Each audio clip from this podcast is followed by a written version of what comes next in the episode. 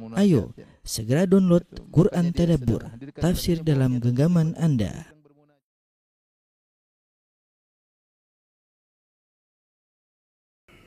Bismillahirrahmanirrahim. Assalamualaikum warahmatullahi wabarakatuh.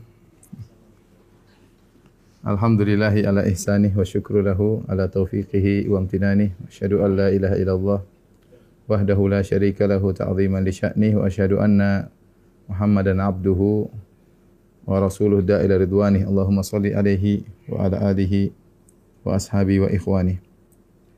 Para hadirin dan hadirat yang dirahmati oleh Allah Subhanahu wa taala uh, pada kesempatan yang bahagia ini kita akan melanjutkan pembahasan tentang kisah sahabat mulia Ibnu Mas'ud radhiyallahu taala anhu.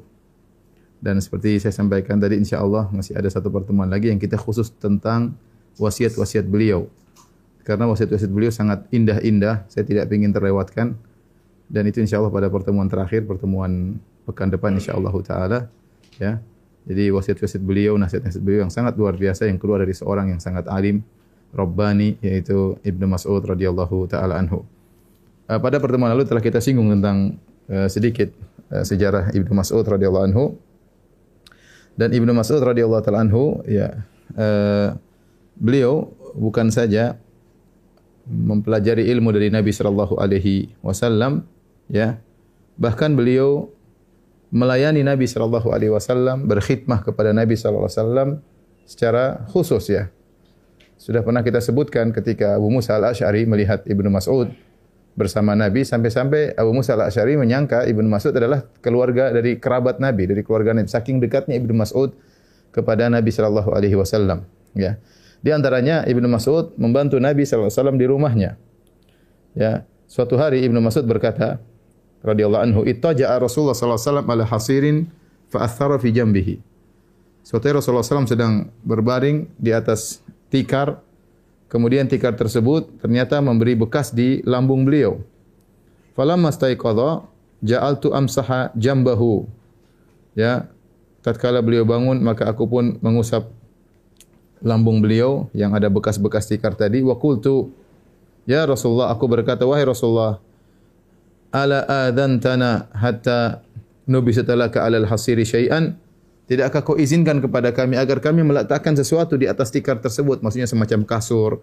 Sehingga Nabi SAW bisa tidur dengan nyaman tidak memberi bekas tikar tersebut ke lambung Nabi SAW kasih ide Ibnu Mas'ud. Tidakkah kau izinkan kami untuk meletakkan kasur di tikar anda wahai Rasulullah Maka Rasulullah SAW berkata, Mali wali dunia, apa urusanku dengan dunia? Ma ana wa dunia, apa apa hubunganku dengan dunia? Inna ma mathali wa mathalu dunia karoki bin dhalla tahta syajarah, thumma roha fatarakaha. Sungguhnya perumpamaanku dengan perumpamaan dunia seperti seorang yang sedang dalam perjalanan, naik kendaraan, tunggangan, kemudian mampir di bawah sebuah pohon, istirahat sebentar, kemudian pergi meninggalkan pohon tersebut. Yaitu Nabi SAW tidak begitu perhatian sama dunia dengan kemewahannya. Karena beliau mengatakan, aku seperti pengendara yang cuma mampir. Dunia cuma sempat mampir sebentar. Seperti mampir di bawah sebuah pohon.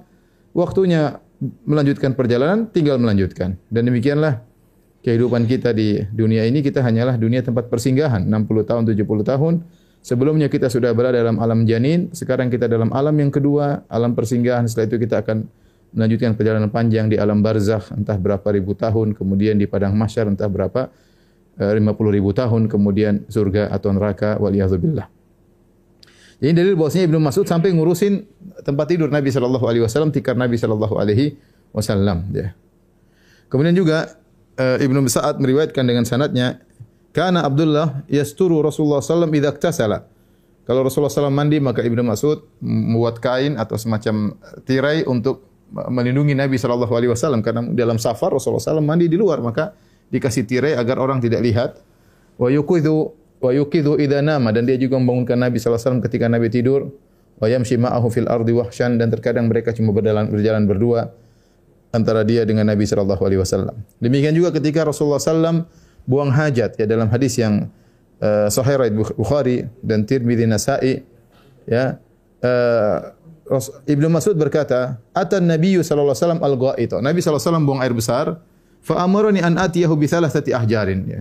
Dalam perjalanan dalam safar dan tidak ada air, Maka Rasulullah menyuruh mendatangkan tiga batu yang beristijmar, yaitu membersihkan kotoran dengan batu. Sebagaimana dibolehkan dalam Islam dengan batu dan lebih baik dengan air.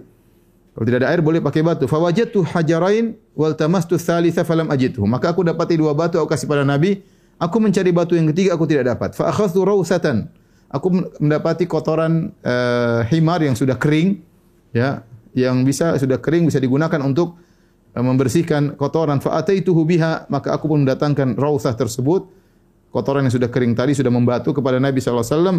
Fa akhadha al hajarain wa alqa rausah. Maka Nabi mengambil dua batu dan Nabi buang yang kotoran. Nabi berkata innaha riksun. Sungguhnya itu hanyalah uh, najis. Jadi intinya sampai dalam masalah buang hajat pun Ibnu Mas'ud yang menyediakan batu agar Nabi bisa uh, beristijmar Kemudian juga uh, Ibnu Sa'ad meriwayatkan di tabaqatnya dia berkata kana Abdullah yalbas yul, yulbis Rasulullah sallallahu alaihi Ibnu Mas'ud radhiyallahu anhu memakaikan dua sendal Nabi sallallahu alaihi wasallam. Thumma yamshi amamahu bil asa kemudian dia pun jalan di hadapan Nabi pakai tongkat hatta idza ata majlisahu naza'ana alaihi. Kemudian jika uh, uh, jika Rasulullah wasallam sudah duduk di tempat duduknya naza'ana alaihi maka Ibnu Mas'ud melepaskan kedua sendal Nabi sallallahu alaihi wasallam. Fa ada khuluma fi dhira'ihi kemudian dia pun masukkan sendal Nabi kedua sendalnya ke ke lengan beliau radhiyallahu taala anhu. Ya. kalau jika Rasulullah SAW ingin berdiri maka dia pakaikan lagi sendal Nabi sallallahu alaihi wasallam. Ya. Inilah uh, Ibnu Mas'ud radhiyallahu taala anhu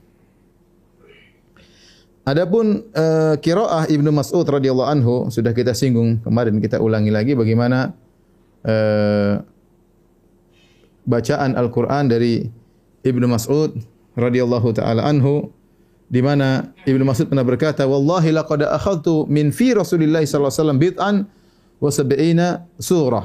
Demi Allah sungguh aku mengambil dari langsung dari mulut Nabi sallallahu alaihi wasallam 70 sekian surat. Ya Wallahi laqad alima ashabun Nabi sallallahu alaihi wasallam anni min a'lamihim bi kitabillah. Sungguh para sahabat Nabi tahu, aku termasuk orang yang paling tahu tentang Al-Qur'an. Wa ma ana bi khairihim dan meskipun aku bukan terbaik di antara mereka, tapi aku yang paling ngerti tentang Al-Qur'an. Ya.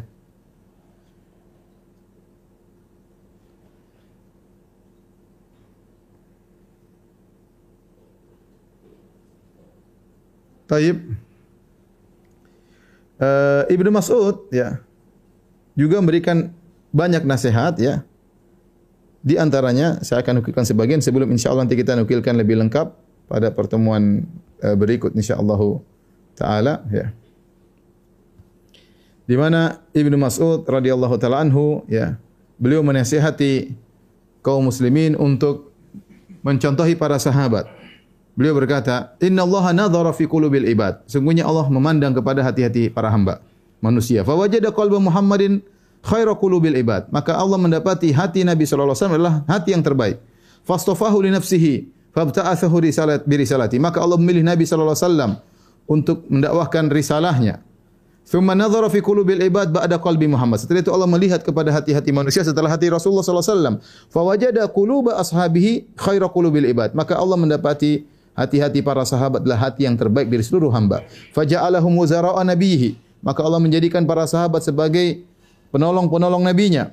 Yuqatiluna an dinihi. Para sahabat tersebut berperang untuk membela agama Nabi Muhammad wasallam. Fama ra'al muslimuna hasanan fahuwa indallahi hasan. Maka apa yang dilihat oleh kaum muslimin suatu kebaikan yaitu dipandang oleh para sahabat suatu kebaikan maka itu sebuah kebaikan. Wa ma ra'au sayyi'an fahuwa indallahi sayyi' dan apa yang dilihat oleh para sahabat sebagai suatu keburukan maka itu juga keburukan Kemudian beliau juga berkata, "Man kana minkum muta'assiyan falyata'assa bi ashabi Muhammadin sallallahu alaihi wasallam." Barang siapa ingin meneladani, maka teladanilah para sahabat Rasulullah sallallahu alaihi wasallam. Fa innahum kanu abar hadhil ummah quluban. Mereka adalah umat yang terbaik, ya. Adalah uh, yang paling terbaik hati mereka. Dari umat ini yang paling terbaik hatinya siapa? Para sahabat. Wa a'maquha ilman dan yang paling dalam ilmunya. Wa aqalluha takallufan dan yang paling jauh dari memaksa-maksakan diri membuat-buat uh, sesuatu yang tidak diajarkan oleh Nabi sallallahu alaihi wasallam. Wa aqwamuha hadiyan. Dan mereka yang paling lurus petunjuknya teladan mereka wa ahsanuha halan. Dan yang paling indah kondisinya. Qauman ikhtarahumullah li suhbati nabihi. Yaitu satu kaum yang Allah pilih untuk menjadi sahabat nabinya. Wa iqamati dinihi. Allah pilih mereka untuk menegakkan agama Muhammad sallallahu alaihi wasallam agama Allah fa'rifu lahum fadlahum. Maka kenalilah keutamaan para sahabat. Wattabi'uhum fi atharihim. Dan ikutilah ya jejak-jejak mereka. Fa innahum kanu 'alal hudal mustaqim. Sungguhnya para sahabat berada di atas jalan yang lurus. Ibnu Mas'ud radhiyallahu taala anhu di zaman Umar bin Khattab radhiyallahu taala anhu ya beliau diangkat sebagai pengurus Baitul Mal ya. Dan ini adalah pekerjaan yang berat karena membutuhkan ketakwaan kepada Allah Subhanahu wa taala ya dan sudah pernah kita sebutkan Ibnu Mas'ud ketika dia belum masuk Islam pada pertemuan yang lalu Rasulullah SAW pernah mendatanginya dan minta untuk dikasih susu ketika Ibnu Mas'ud sedang mengembalakan kambing-kambingnya milik Uqbah bin Abi Mu'aid. Kemudian Ibnu Mas'ud mengatakan ini muktaman, aku bukan pemilik kambing, aku hanya dipercayai dan aku tidak akan kasih susu kepada kalian. Itu dia sebelum Islam. Apalagi beliau sudah masuk Islam, apalagi sudah menjadi sahabat Rasulullah sallallahu alaihi wasallam, maka ketika di zaman kekhilafahan Umar bin Khattab radhiyallahu taala anhu maka uh, Umar radhiyallahu anhu pun menjadikan Ibnu Mas'ud sebagai menteri keuangan atau penjaga harta kaum muslimin. Uh, kata Harith bin Mudharrib qala quri'a alaina kitab Umar. Dibacakan kepada kami surat perintah Umar. Jadi datang surat dari Umar dan mereka sedang berada di Kufah. Umar di Madinah radhiyallahu anhu. Maka dibukalah suratnya yang dibaca di hadapan khalayak di hadapan rakyat. Inni qad ba'astu ilaikum Ammar bin Yasir amiran. Kata Umar, Umar mengirim Ammar bin Yasir dan Ibnu Mas'ud. Kata beliau, aku mengutus kalian kepada kalian Ammar bin Yasir sebagai amir kalian, amir Kufah. Wa Abdullah bin Mas'udin mualliman wa waziran. Dan aku mengutus Ibnu Mas'ud sebagai pengajar agama dan sebagai menteri keuangan. Wa innahuma min nujaba min ashabi Rasulullah sallallahu alaihi wasallam. Mereka berdua, Ammar bin Yasir dan Ibnu Mas'ud adalah apa namanya unggulan-unggulan dari para sahabat Rasulullah sallallahu alaihi wasallam. Min ashabi Badar mereka berdua pernah ikut perang Badar waqad ja'altu Abdullah bin Mas'ud ala baiti malikum dan aku menjadikan Ibnu Mas'ud sebagai penanggung jawab Baitul Mal yaitu gudang harta kaum muslimin. Fata'allamu minhuma maka belajarlah ilmu dari mereka dari mereka berdua waqtadu bihima dan telah danilah mereka berdua. Waqad athartukum bi Abdullah bin Mas'udin ala nafsi. Aku mengutamakan kalian. Perhatian perkataan Umar. Waqad athartukum. Aku mendahulukan kalian dengan menyerahkan Ibnu Mas'ud kepada kalian daripada diriku sendiri. Artinya artinya Rasul, uh, Umar bin Khattab membutuhkan Ibnu Mas'ud di Madinah. Karena dia memiliki ilmu yang luas. Tetapi demi kemaslahatan saya lepas Ibnu Mas'ud untuk kalian daripada untuk diri saya sendiri. Dan ini ujian yang berat, yang, luar biasa dari Umar bin Khattab kepada Ibnu Mas'ud. Kemudian disuruh untuk mengurus Baitul Mal kaum muslimin. Dan ini merupakan pekerjaan yang menunjukkan ketakwaan Ibnu Mas'ud radhiyallahu taala anhu. Ya. Taib. Kemudian Umar bin Khattab radhiyallahu taala anhu meninggal dunia diganti oleh Uthman bin Affan radhiyallahu taala anhu. Ya.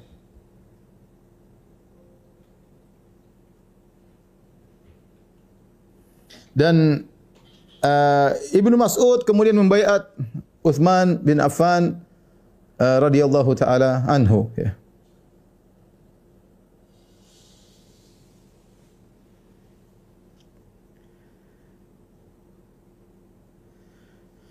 Dan hubungan antara Uthman bin Affan dengan Ibnu Mas'ud hubungan yang sangat indah ya. Di antara hubungan tersebut saling kedekatannya. Jadi pernah Ibnu Mas'ud berhaji sama Uthman dan Uthman sebagai khalifah tatkala itu. Khalifah uh, kaum muslim dan, dan Ibnu Mas'ud wafat di zaman kekhilafahan Uthman ya. Uthman wafat tahun 35 Hijriah. Uh, kemudian Ibnu Mas'ud 32 Hijriah. Jadi jadi mereka bersahabat dan kemudian mereka haji bersama sementara Uthman sebagai khalifah uh, Ibnu Mas'ud sebagai rakyat ya. Apa kata Al-Qamah bin Qais muridnya Ibnu Mas'ud, "Kuntu ma Abdullah, aku bersama Abdullah bin Mas'ud." Falakiya Uthman biminan. Kemudian Uthman ketemu dengan Ibnu Mas'ud di Mina musim haji. Apa kata Ibnu Mas'ud? Ya, sebagai sahabat dia ngobrol-ngobrol sama Ibnu Mas'ud. Dia berkata, "Ya Abu Abdurrahman." Kita kita, kita sebutkan bahwasanya kunyahnya Ibnu Mas'ud adalah Abu Abdurrahman. Dia enggak panggil dia Ibnu Mas'ud, tapi dia menghormati. Semua sahabat tahu siapa Ibnu Mas'ud.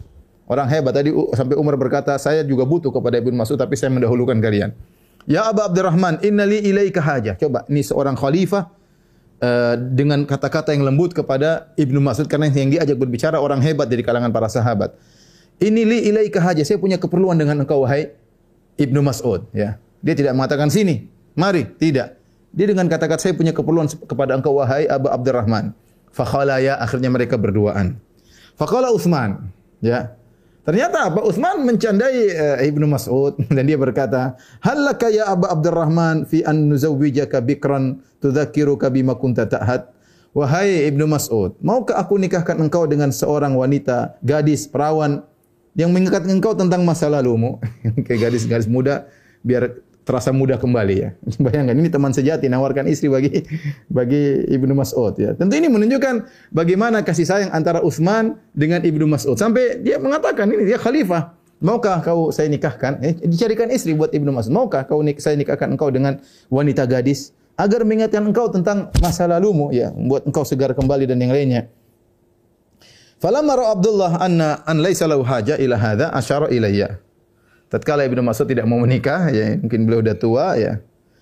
Eh, beliau berpanggil beliau panggil sekitar 60-an waktu itu usia beliau. Ya Al-Qamah, fantahitu ilai, maka dia panggil wahai Al-Qamah sini. Wa yaqul amala in qultu dzalik laqad qala Rasulullah sallallahu alaihi wasallam.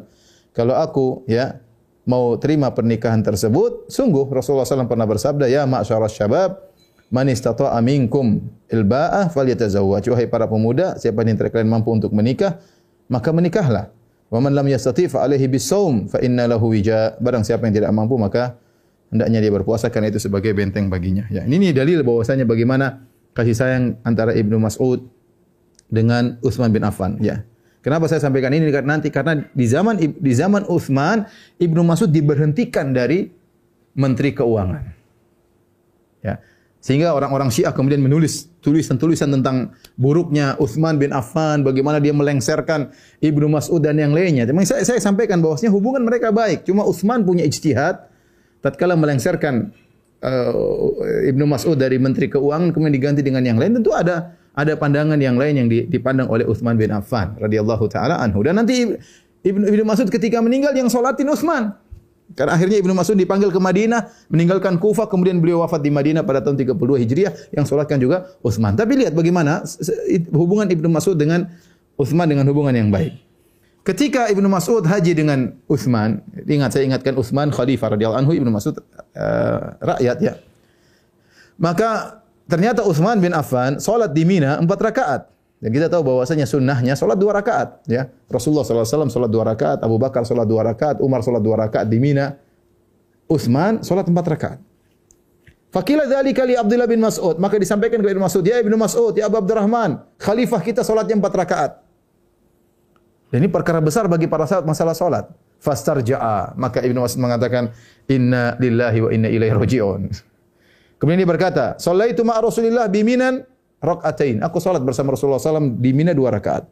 Wa salaitu ma Abi Bakr radhiyallahu anhu bi Mina rakaatain. Saya juga waktu berhaji bersama Abu Bakar, Abu Bakar juga salat dua rakaat. Wa salaitu ma Umar radhiyallahu anhu bi Mina rakaatain. Dan saya juga salat bersama Umar ketika Umar haji di Mina juga dua rakaat. Ya. Falaita hadhi min arba'i rakaatin rakaatani mutaqabbilatan. Ya. Seandainya saya dapatkan dari empat rakaat, dua rakaat yang terima oleh Allah Subhanahu wa taala. Dan jadi ini menunjukkan Ibnu Mas'ud semangat ingin agar bisa salat empat rakaat. Ya, sebagaimana mengikuti Nabi dan mengikuti Syekhain yaitu Abu Bakar dan Umar. Ya, karena jauh berangkat dari Madinah kemudian di Mekah kemudian salat dua rakaat di Qasar ya. Tetapi kemudian ternyata Ibnu Mas'ud tidak mau menyelisihi ya uh, tidak mau menyelisihi Utsman bin Affan ya. Dan perkataan Ibnu Mas'ud kata Ibnu Hajar, "Falaita hadhi min arba'i raka'atin" Rakaatani mutaqabbilatan. Dia mengatakan seandainya saya salat empat rakaat, saya berharap dua rakaat diterima oleh Allah Subhanahu wa taala. Kata Ibnu Hajar yang menunjukkan Ibnu Mas'ud memandang bahwasanya kalau orang sedang bersafar seharusnya dua rakaat, tapi kalau dia salat empat rakaat boleh. Sunnahnya dua rakaat, tapi kalau dia salat empat rakaat dengan itmam dengan sempurna boleh. Maka dan ini mazhab sebagian sahabat, di antaranya Utsman bin Affan. Di antaranya Aisyah radhiyallahu taala anha ya. Di antaranya Aisyah radhiyallahu taala anha. Adapun Utsman kenapa dia salat empat rakaat di Mina? Maka banyak pendapat kenapa Utsman salat empat rakaat ya. Ada beberapa pendapat di antaranya mereka mengatakan bahwasanya Utsman bin Affan ya punya keluarga di sana ya sehingga dia dianggap dia penduduk Mekah sehingga dia salat empat rakaat. Ada yang mengatakan Utsman bin Affan khawatir Arab-Arab Badui yang datang yang baru masuk Islam, nanti kalau mereka di Mina mereka solat dua rakaat, kemudian mereka pulang dari haji mereka menyangka solat zuhur dua rakaat, solat asar dua rakaat, solat isya dua rakaat. Maka Utsman tidak ingin mereka salah paham. Maka Utsman solat empat rakaat. Ini pendapat. Tadi yang mengatakan Utsman kenapa solat empat rakaat? Karena Utsman merasa dia tinggal yang yang solat dua rakaat adalah yang berjalan kemudian berhenti eh, kemudian melanjutkan perjalanan. Adapun Utsman ya beliau berpendapat beliau mampir di Mekah lama kemudian beliau salat di Mina maka beliau salat empat rakaat intinya ada takwilan-takwilan dari Utsman bin Affan radhiyallahu taala ijtihad beliau dan intinya pendapat yang paling kuat bahwasanya salat uh, qasar bagi orang musafir dua rakaat hukumnya sunnah muakkadah sangat dianjurkan namun tidak wajib. Namun tidak wajib. Di antara hal yang menunjukkan tidak wajib para sahabat sebagian mereka salat empat rakaat ya. Dan di antaranya Utsman bin Affan di antaranya Aisyah radhiyallahu taala anha. Dan di antaranya adalah Ibnu Mas'ud ngikutin Utsman. Kemudian uh, dalam riwayat yang lain kunna ma Abdullah bin Mas'ud bi jama' falamma dakhala masjid Mina ya. Tatkala kami masuk di masjid Mina faqala kam shalla Amirul Mukminin? Subhanallah. Ibnu Mas'ud bertanya Amirul Mukminin yaitu Utsman berapa rakaat dia salat qalu arba'an. Utsman salat empat rakaat. Fa shalla arba'an. Maka Ibnu Mas'ud juga salat empat rakaat. Fakulna. Kami berkata, alam tuhaddithuna, alam tuhaddithna anna Nabi alaihi wasallam rakatain wa Abu Bakar rakatain. Faqala bala, ya ya ya Ibnu Mas'ud. Bukankah Anda telah pernah menyampaikan kepada kami hadis bahwasanya Nabi salat di Mina dua rakaat, Abu Bakar salat dua rakaat? Kenapa Anda sekarang empat rakaat? Bala, ana wa ana uhaddithukumuhu alan. Benar saya pernah sampaikan dan sekarang saya sampaikan juga. Nabi salat dua rakaat, Abu Bakar salat dua rakaat, Umar salat dua rakaat, walakinna Uthman kana imaman. Akan tetapi sekarang jadi imam Amirul Mukminin adalah Uthman. Fama ukhalifuhu aku tidak ingin menyelisihinya wal khilafu syarr dan perselisihan adalah buruk. Ini fikih luar biasa dari Ibnu Mas'ud meninggalkan sunnah demi untuk uh, persatuan ya.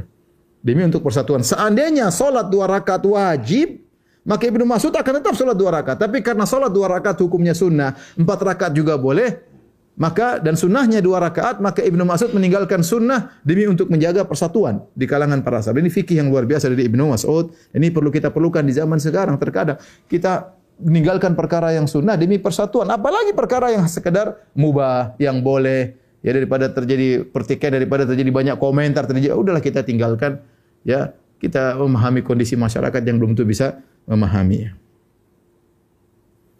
Bahkan ketika Abdurrahman bin Auf, ya sahabat senior juga datang bertemu dengan Ibn Mas'ud, ya. Uh, kemudian mempertanyakan masalah ini ya. Kemudian berkatalah Abdurrahman bin Auf ya. Aba Muhammad ghairu ma yu'lam qala la qala fama asna ya. Maka Abdurrahman bin Auf mengatakan fama asna apa yang aku lakukan? Uthman solat empat rakaat. Qala imal i'mal anta bima ta'lam. Ya. Kata Ibnu Mas'ud, apa yang aku lakukan? Maka Abdurrahman bin Auf mengatakan, lakukanlah apa yang kau ketahui. Ibnu Mas'ud mengomentari, al-khilafu syarr. Perselisihan adalah buruk. Waqad balagani annahu shalla arba'an fa shallaitu bi ashabi arba'an. Aku mendengar Uthman salat empat rakaat, maka aku juga salat bersama grupku empat rakaat. Maka Abdurrahman bin Auf berkata, "Qad balagani annahu shalla arba'an fa shallaitu bi ashabi rak'atain." Abdurrahman bin Auf mengatakan, "Aku telah sampai kabar kepadaku bahwasanya Utsman salat empat rakaat dan aku salat dua rakaat." Wa amal an fa sawfa yakunu alladhi taqulu ya'ni nusalli ma'a harba'an. Tapi tapi sekarang setelah kita diskusi kata Abdurrahman bin Auf, saya akan salat empat rakaat. Masya Allah. Bagaimana Abdurrahman bin Auf akhirnya setuju dengan pendapat pendapat uh, Utsman eh, pendapat Ibnu Mas'ud radhiyallahu anhu untuk menyelisihi Amirul Mukminin agar tidak terjadi perselisihan. Dan ini menunjukkan bagaimana eh, Ibnu Mas'ud yang tidak suka dengan adanya keributan dan berusaha untuk mempersatukan kaum muslimin dan tidak ingin menyelisihi eh, pemimpin.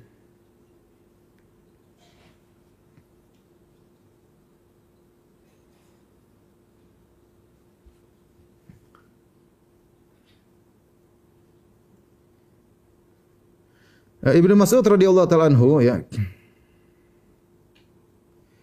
uh, dikenal yang mengikuti Nabi sallallahu alaihi wasallam dalam berbagai macam ibadah Nabi sallallahu alaihi wasallam ya. Dalam haji beliau mengikuti Nabi sallallahu alaihi wasallam, dalam salat beliau mengikuti Nabi sallallahu alaihi wasallam. Beliau punya ilmu yang banyak dari Nabi sallallahu alaihi wasallam ya.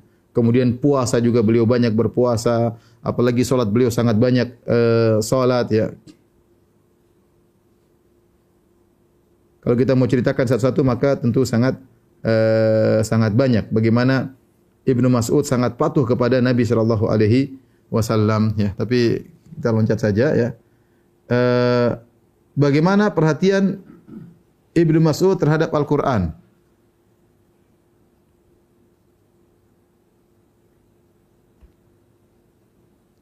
Beliau sangat banyak membaca Al-Qur'an ya.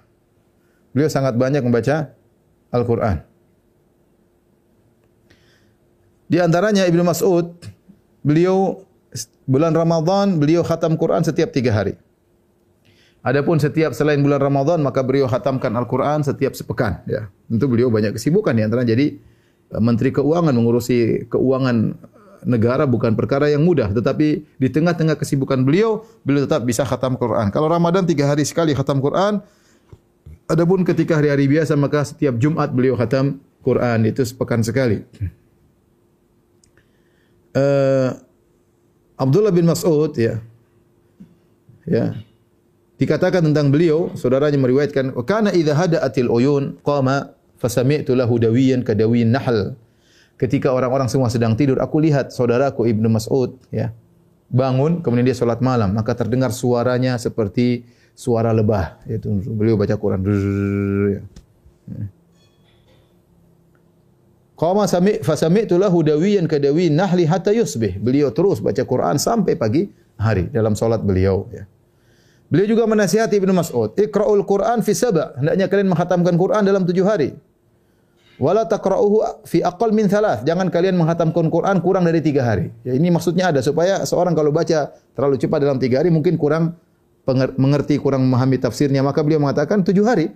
Oke, okay, tujuh hari waktu yang bisa digunakan untuk baca Al-Quran sambil uh, tadabbur ya.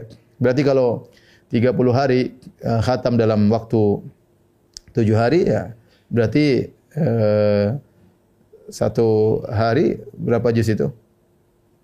Empat juz lebih dikit, empat juz lebih dikit ya.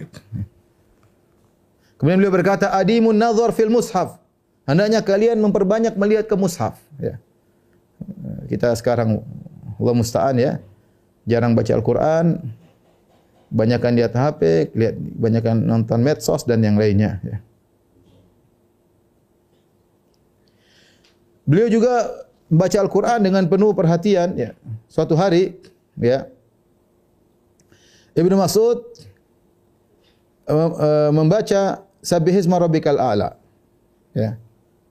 Kata An Arfaja Al-Thaqafi, Istaqra'atu Ibnu Mas'ud. Aku minta Ibnu Mas'ud untuk baca Al-Quran.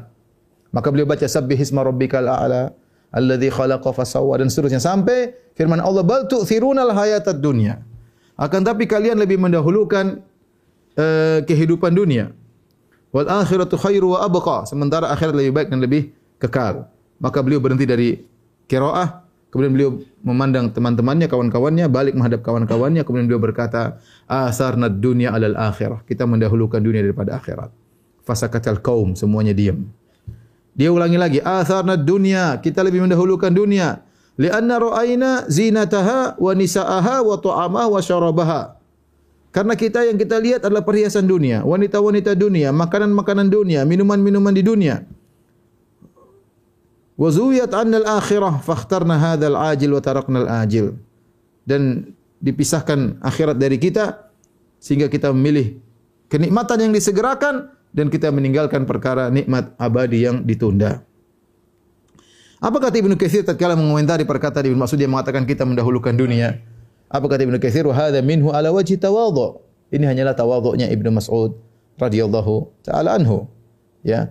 Kalau Ibnu Mas'ud adalah salah seorang sahabat senior pernah ikut perang Badar dan seluruh perang-perang beliau ikuti, dia mengatakan demikian kita lebih mendahulukan diri daripada akhirat. Terus bagaimana lagi dengan kita-kita yang tersibukkan dengan urusan dunia, tersibukkan dengan urusan makanan, hobinya kuliner, hobinya eh, medsos dan yang lainnya, tentu kita lebih lalai lagi daripada hari akhirat.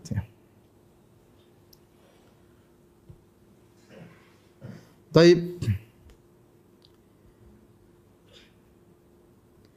Uh, banyak dalil tentang perhatian beliau tentang Al-Quran tapi saya cukupkan tadi ya.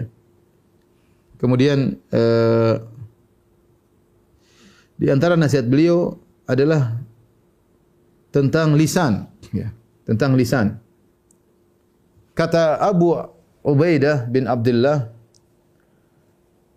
yaqul ya dia berkata kana azizan ala Abdullah bin Mas'ud an yatakallama illa bi dzikrillah. Ibnu Mas'ud berat bagi dia untuk berbicara kecuali untuk berzikir. Beliau tidak banyak bicara. Ya. Beliau kalau berbicara berzikir kepada Allah Subhanahu wa taala itu perkara yang penting-penting saja. Dan beliau menasihati murid-muridnya, orang-orang yang berada di sekitar beliau untuk memperhatikan hal tersebut. Beliau berkata, "Aksiru zikrallah azza wa jalla." Berbanyaklah kalian berzikir kepada Allah. Wala alaik alla tashab ahadan illa man a'anaka ala dzikrillah. Enggak ada masalah bagi kalian kalau kalian tidak punya teman. Enggak ada masalah. Yang penting kalian berteman dengan orang yang mengingatkan kalian untuk mengingat Allah Subhanahu wa taala. Ya, orang orang sukanya diam, sukanya berzikir. Siapa yang mau berteman dengan dia? Ya, kata Ibnu Mas'ud enggak ada masalah. Kalian berteman jadi teman yang bisa mengajak kalian kepada ingat kepada Allah, bukan teman yang melalaikan kalian dari mengingat Allah Subhanahu wa taala. Beliau juga berkata, "Walladzi la ilaha ghairuh." Demi zat yang tidak ada sembahan yang berhak disembah selainnya. Ma'ala dhahril ardi min syai'in ahwaju ila tuli sijnin min lisan.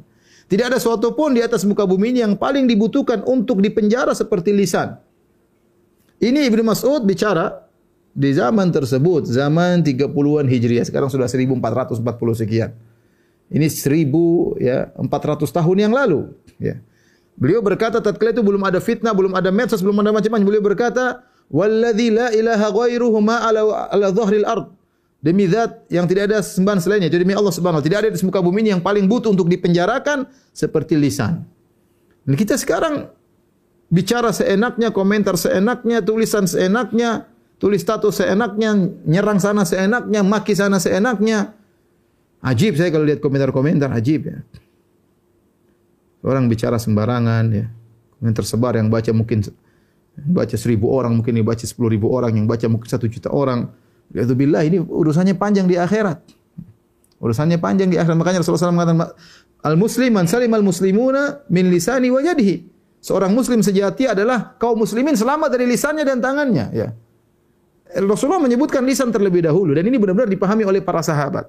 Maka Ibnu mengatakan yang paling utama untuk ditahan di penjara lisan. Pena, tulisan, ketikan, hati-hati.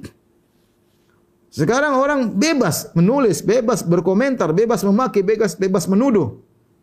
Seakan-akan bosnya di balik ini semua tidak ada tanggung jawabnya, ada tanggung jawabnya. Kita ngomong orang saja tuduhan yang tidak benar, ini urusannya panjang. Kita akan disidang sama dia. Saya nuduh misalnya, saya nuduh misalnya, oh si fulan ini begini, ya, taib. Oh ini uh, Ustadz ini begini, ya kalau kau punya hujan tidak apa-apa. Jangan asal ngomong. Oh si fulan bilang begini, kalau tidak ada bahaya. Oh pejabat ini begini. Benar enggak ada bukti-bukti secara otentik yang bisa kau yakini kebenarannya untuk mengatakan pejabat ini begini-begini misalnya ya. Intinya hati-hati seorang berbicara. Kalau ada silakan terserah Anda. Yang penting nanti Anda kalau sudah nuduh orang, Anda akan disidang sama dia. Maka seorang hati-hati kalau sebisa dia kunci lisannya ya itu lebih baik. Makanya Abu Bakar pernah memegang lisannya. Dia keluarkan dia pegang. Dia mengatakan hadzal ladzi awradanil mawarid. Ini yang membuat aku terjerumus pada tempat-tempat yang buruk. Itu Abu Bakar radhiyallahu anhu.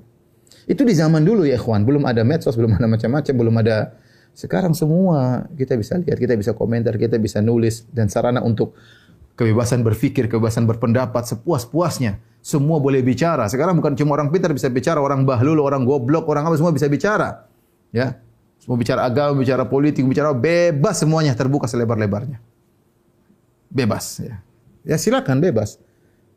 Yang pencatat tidak pernah berhenti dari mencatat. Ma yalfidhu min qawlin tidak ada satu perkata pun yang keluar, satu kata pun keluar kecuali dicatat. Baik. Ada perkataan beliau yang indah. Beliau berkata, ya, disebutkan bahwasanya dari Abu Wa'il, anna hurtaqa sofa. Beliau naik di atas bukit sofa, Ibnu Mas'ud, untuk perhatian terhadap lisan. Fa akhadha bi lisani, di depan di bukit sofa beliau pegang lisannya. Kemudian beliau berkata, didengar oleh banyak orang, "Ya lisanu, kul khairan tagnam." Wahai lisan, ucapkanlah kebaikan maka kau akan mendapat kebanyakan, banyak pahala, dapat ghanimah pahala itu dapat keuntungan. Waskut an syarrin taslam. Diamlah dari keburukan maka kau akan selamat. Min qabli an tandam sebelum kau menyesal. Qala sami'tu Rasulullah sallallahu yaqul sungguhnya aku mendengar Rasulullah sallallahu bersabda aktsaru khotoya bani Adam min lisanihi. Kebanyakan dosa-dosa anak Adam dari lisannya. Dan ini benar ya. Kita kalau tangan aktivitas terbatas, tapi kalau ngomong dalam waktu satu menit kita bisa ngomong banyak, kita bisa maki banyak orang, kita bisa nuduh banyak orang dalam waktu satu menit. Apalagi kita disuruh ngomong berorasi lama. Ya.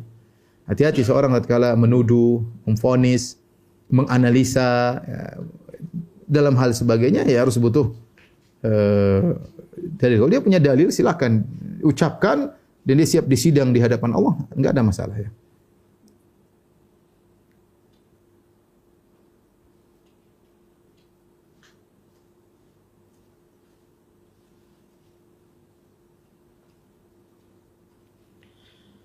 Ibnu Mas'ud radhiyallahu taala anhu juga adalah seorang yang dikenal uh, apa namanya? yang dikenal seorang yang suka bernahi mungkar ya yang suka bernahi mungkar ya. Di antaranya ya diriwayatkan Ibnu Mas'ud dia masuk menemui istrinya dan ternyata istrinya memakai sesuatu yang dikalungkan. Maka dia istrinya pakai sesuatu yang dikalungkan fajadzabahu faqata'ahu. Maka Ibnu Mas'ud pun uh, melepas atau menarik memutuskan kalung milik uh, istrinya tersebut Suma qal kemudian beliau berkata, laqad asbaha alu Abdullah agniya an an yusyriku billahi ma lam yunazzil bihi sultanan. Sungguh keluarga Ibnu Mas'ud tidak butuh dengan yang namanya kesyirikan yang Allah tidak pernah turunkan dalilnya. Kemudian beliau berkata, Sami itu Rasulullah SAW yakul, aku mendengar Rasulullah SAW bersabda, Inna ruqa wa tama'ima wa tiwala tasyirkun. Sungguhnya ruqyah, jampi-jampi, pelet adalah syirik. Hmm. Maka orang bertanya, Ya Abu Abdurrahman, Hadhi ruqaqat arafnaha. Ruqyah kami tahu ya Rasulullah. Ya Ibnu Mas'ud. Fama tiwala? Tiwala itu apa? Kata beliau, syai'un tasna'uhu nisa yatahabbabna ila azwajihinna. Itu semacam sihir pelet yang menjadikan suami-suami jatuh cinta kepada istrinya. Ini semua syirik kata Ibnu Mas'ud. Tapi intinya dia bernahir mungkar dia uh, apa namanya cabut kalung dari istrinya ya. Uh, Masruk berkata, "Kuna inda Abdullah bin Mas'ud kami sedang berada di si Abdullah bin Mas'ud. Faji'a bi dhara fatanaha rajulun faqala Abdullah udnu faqala inni hurimtu an akulahu ya. Maka didatangkan semacam makanan kemudian seorang laki menjauh dia tidak mau makan dari situ. Kemudian dia berkata aku mengharam telah mengharamkan diriku untuk makan dari ini. Faqala Abdullah bin Mas'ud udnu fat'am wa kafir an yaminik. Sini sini makan dan bayar kafarah sumpahmu. Kemudian dia membacakan firman Allah ya ayyuhalladzina amanu la tuharrimu thayyibati ma ahlallahu lakum. Wahai orang beriman jangan kalian mengharamkan kebaikan-kebaikan yang Allah halalkan bagi kalian. Demikian juga Ibnu Mas'ud satu hari datang dua orang kemudian salah satu mengucapkan salam yang satu tidak mengucapkan salam. Maka Ibnu Mas'ud bertanya kepada yang tidak mengucapkan salam masya'nuk apa ada apa? Maka teman-temannya berkata dia telah bersumpah untuk tidak ngomong sama sekali pada hari ini Faqala Ibnu Mas'ud, "Kallimin nas wa sallim alaihim." Ayo ngomong-ngomong, jangan kau diam. Ucap bicara sama orang-orang. Fa inna matil kamra'atun alimat anna ahadan la yusaddiquha annaha hamilat min ghairi zaujin. Liyakuna udhran laha idza su'ilat. Yang tidak ngomong tu cuma Maryam, dia tidak mau ngomong karena punya anak tanpa ada suami, khawatir orang tidak membenarkan. Adapun kamu laki-laki ngomong aja, ngapain tidak ngomong sama orang-orang? Ngomong sama orang-orang. Demikian juga Ibnu Mas'ud sedang melewati ada seorang tukang berkisah dia bercerita yudzakirun nas beri nasihat kepada orang-orang. Tapi dia nasihatnya membuat orang ketakutan sampai orang-orang seakan-akan susah masuk surga. Maka dia berkata, "Ya mudzakir lima tuqannitun nas, wahai sang pemberi peringatan." Langsung dia tegur dia. Dia jadi suka bernahi mungkar. Lima tuqannitun nas, kenapa kau bikin orang-orang putus asa? Kemudian dia bacakan firman Allah, "Qul ya ibadiyalladzina asrafu ala anfusim la taqnatu min rahmatillah ya. Uh, wahai hamba-hambaku yang telah berlebih-lebihan dalam berbuat kemaksiatan janganlah kalian putus asa dari rahmat Allah Subhanahu wa taala. Ya.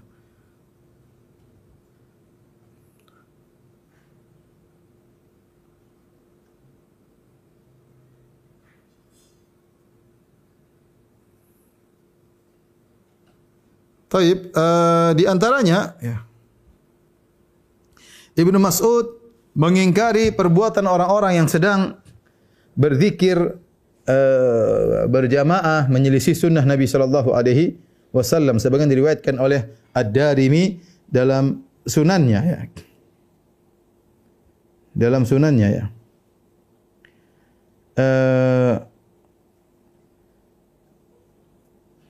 Perawi berkata ya dari Amr bin Yahya dia berkata sami'tu abi yuhaddithu an abihi. Ya aku mendengar ayahku meriwayatkan dari ayahku dia berkata kunna najlisu ala babi Abdullah bin Mas'ud. Kami satu hari sedang duduk di pintu Ibnu Mas'ud qabla salatil ghadat. Yaitu kami menunggu Ibnu Mas'ud sebelum salat subuh.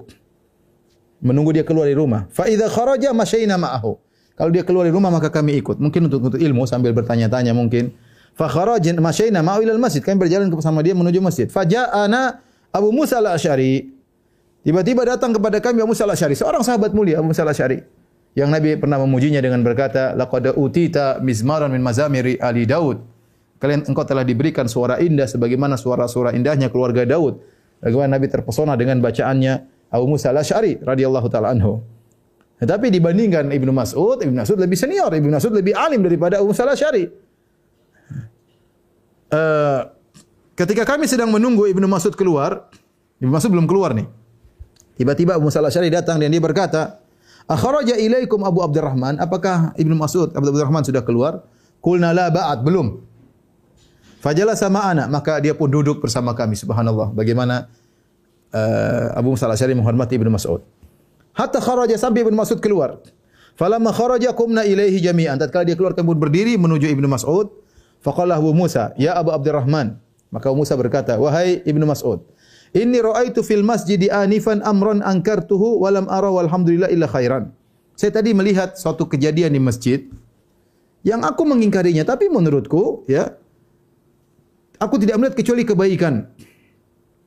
Faqala famahu apa yang kau lihat yang kau ingkari? Itu suatu hal yang baru. Tapi saya lihat menurut saya baik. Cuma Ibnu Musa al-Asy'ari gelisah ini apa? Makanya dia perlu tanya kepada orang yang lebih alim daripada dia. Ibnu Mas'ud radhiyallahu anhu. Qala in ishta fasatarahu. Kalau kau masih hidup kau akan lihat. Itu lihat sendiri nanti. Maka dia berkata, "Ra'aitu fil masjid qauman hilaqan julusan yantatiru yantaziruna salata fi halaqatin rajulun. Fi kulli halaqatin halqatin rajulun." Aku melihat suatu kaum mereka berhalakoh-halakoh. Berkelompok-kelompok mereka sedang dalam kondisi duduk menunggu salat. Ya, dan di setiap halakoh ada seseorang. Wa fi aidihim hasan dan di tangan-tangan mereka ada kerikil. Fa yaqulu kabbiru maka sang pemimpin berkata, bertakbirlah seratus kali. Sabbihu mi'ah, bertasbihlah seratus kali. Fa yusabbihuna mi'ah. Fa. Ayo takbir seratus kali. Allahu Akbar, Allahu Akbar. Pakai kerikil seratus kali. Allahu Akbar, Allahu Akbar. Sampai seratus kali.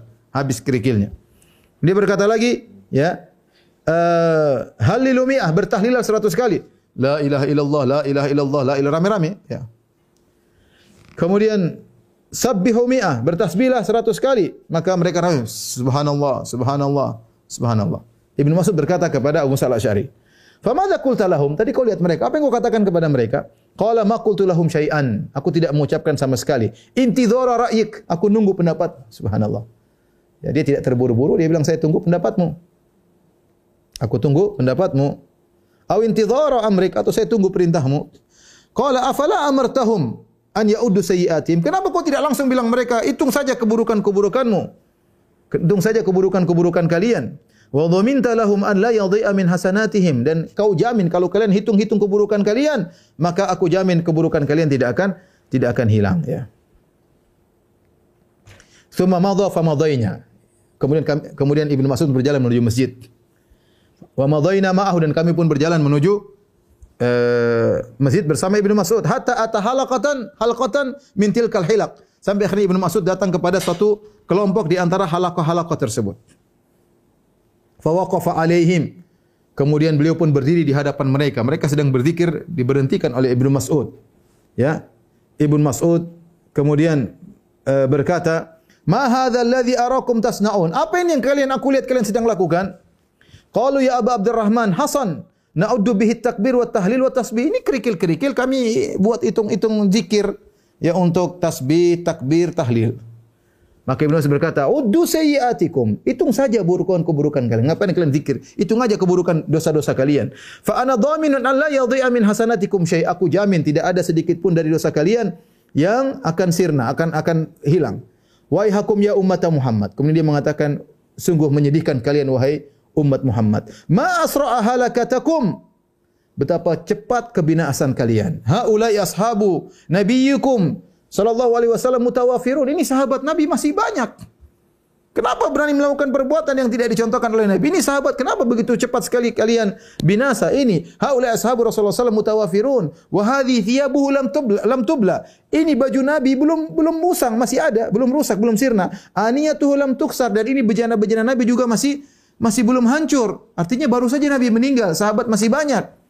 Ya, walladzi nafsi biyadihi. Perhatikan Ibnu Musa bagaimana dia kencang mengingkari bid'ah yang mereka lakukan.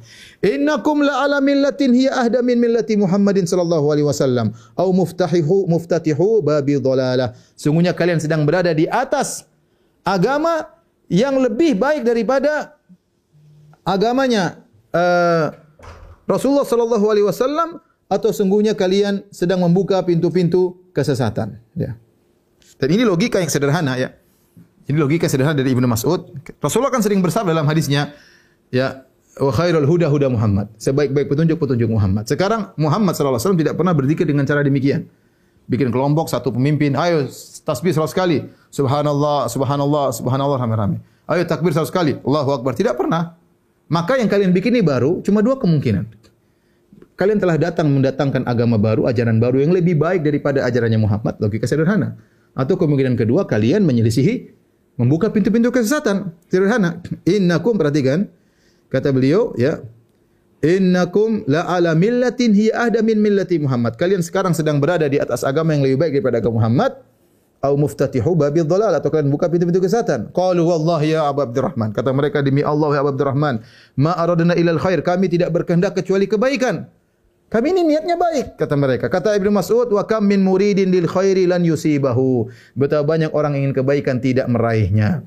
Inna Rasulullah sallallahu alaihi wasallam haddatsana sungguhnya Rasulullah sallallahu mengabarkan kepada kami anna qauman yaqra'una al-Qur'an la yajawizu taraqiyahum. Ada suatu kaum yang mereka baca Al-Qur'an yaitu orang Khawarij. Mereka baca Al-Quran, namun Al-Quran tersebut tidak melewati kerongkongan mereka, cuma di mulut tidak masuk dalam hati, tidak ditadaburi. Padahal orang Khawarij orang-orang Arab, mereka ngerti bahasa Arab. Mereka ngerti baca Quran tapi tidak ditadaburi, tidak masuk ke dalam hati mereka, cuma tidak bisa melewati kerongkongan mereka. Wa imallah ma adri la alla aktsarahum minkum. Aku tidak tahu bisa jadi kalian adalah kebanyakan dari mereka. Tsumma tawalla anhum. Kemudian Ibnu Mas'ud meninggalkan mereka. Faqala Amr bin Salamah. Ra'ayna amata ulail ulaikal hilaq yutawi'unana yuta'inunana yaumal nahrawan ma'al khawarij. Aku melihat kebanyakan mereka tadi ternyata ikut serta dengan orang-orang khawarij dalam peristiwa nahrawan tatkala orang khawarij berperang dengan kaum kaum muslimin. Artinya Ibnu Mas'ud mengingkari bahwasanya bahaya kalau kalian ini beribadah dengan kebodohan, betapa banyak orang beribadah dengan kebodohan akhirnya melakukan kesilapan-kesilapan yang berbahaya, ya. Ya, di antaranya seperti yang mereka uh, lakukan, ya.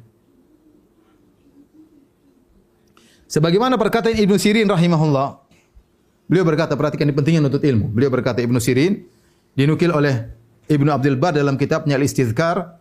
Beliau berkata, Inna qawman taruku, taruku talabal ilmi wa mujalasatil ulama. Ada suatu kaum, mereka meninggalkan menuntut ilmu. Dan mereka tidak mau duduk dengan para ulama. Wa akhadu fis salati wa siyami. Hatta yabisa jaldu ahadihim ala azumihi. Dan mereka kemudian mulai rajin solat, mulai rajin puasa, tidak mau menuntut ilmu. Sampai-sampai begitu semangat solat, begitu semangat puasa, sampai-sampai kulit mereka nempel pada tulangnya saking saking kurusnya. Thumma khalafu sunnah fahalaku. Kemudian mereka menyelisih sunnah dan mereka binasa. Wasafaku dima'al muslimin. Dan mereka menumpahkan darah kaum muslimin. Fawalladhi la ilaha ghairuh. Demi zat yang tidak ada sembahan yang berhak sembah kecuali Allah. Ma amila ahadun amalan ala jahlin illa kana yufsidu aktsara mimma yuslih. Tidaklah seorang melakukan suatu perbuatan di atas kejahilan kecuali kerusakan yang dia lakukan ditimbulkan lebih besar daripada kebaikan yang dia lakukan. Maksud saya bahaya kalau seorang sengaja eh, semangat beribadah kemudian tidak menuntut ilmu nanti dia bisa salah paham dan mudah terbawa, mudah mengkafirkan kaum muslimin, mudah menumpahkan darah, menggampangkan darah, orang darah tertumpah di dianggap sepele bagi ini terjadi pada sebagian kaum muslimin. Mau terjadi ini, mau terjadi keributan sana mati ya sudah. Mati syahid semuanya, mati syahid semuanya. Yang diperangi orang Islam sendiri yang sama-sama bertakbir Allahu Akbar. Subhanallah. Mudah mengkafirkan, mudah yang lain. Kenapa? Gara-gara tidak menuntut ilmu. Jadi ini bagaimana Ibnu Mas'ud radhiyallahu taala anhu uh, begitu semangat untuk uh, bernahi mungkar. Tapi pada pertemuan kali ini kita sebutkan yang terakhir tentang bagaimana rasa takutnya Ibnu Mas'ud radhiyallahu taala anhu. Ya. Ibnu Mas'ud adalah orang meskipun terkumpul kepada dia berbagai macam kebaikan sudah kita singgung pada pertemuan pertama. Al-Quran hebat, ahli tafsirnya para sahabat. Ya, saya beliau berkata, kalau aku tahu ada orang lebih tahu tentang aku tentang Al-Quran, aku akan datangi dia. Ya. Aku ini yang paling tahu tentang Al-Quran, bukan sombong. Ibnu Mas'ud menyampaikan bahwasanya apa yang terjadi sekarang dia yang lebih yang pakar Al-Quran dua, Ibnu Mas'ud sama Ibnu Abbas. Tapi Ibnu Mas'ud duluan meninggal. Ibnu Abbas diberi umur yang panjang sehingga dia banyak mengajar uh, tafsir dan yang lainnya. Tapi di antara yang hebat Ibnu Mas'ud, ya. Ibnu Mas'ud ya. Taib. Kemudian beliau ikut seluruh perang-perang. Beliau adalah orang dekatnya Nabi sallallahu alaihi wasallam yang langsung melayani Nabi sampai mengetahui perkara-perkara khususnya Nabi sallallahu alaihi wasallam. Dipuji oleh para sahabat, dipuji oleh Nabi. Nabi mengatakan man arada an yaqra al-Qur'an qaddan tariyan kama unzil falyaqra kama qara Ibnu Umi Abdin. Barang siapa ingin baca Quran segar seperti baru turun, bacalah seperti bacaan Ibnu Mas'ud. Pujian bukan Nabi yang pernah mengatakan, "Ya Ibnu Mas'ud, bacakan Al-Qur'an kepadaku." Ibnu Mas'ud bacakan surat An-Nisa, ya. Kemudian Nabi SAW menangis. Jadi Ibnu Mas'ud bukan orang sembarang. Dipercaya oleh Umar untuk menjadi menteri keuangan, mengatur keuangan kaum muslimin. Luar biasa. Tapi apakah beliau ujub? Apakah beliau pede sombong? Enggak. Apa kata beliau? La an akuna a'lam anna Allah yaqbalu minni amalan ahabu ilayya min an yakuna li mil'ul ardi dhahaban. Kalau saya tahu Allah menerima satu saja amalanku, lebih aku sukai daripada saya punya emas sebanyak dunia ini. Dia tidak pede. Dia mengatakan kalau saya tahu satu amalan saya diterima, saya sungguh bahagia. Lebih saya sukai daripada saya punya emas satu dunia ini.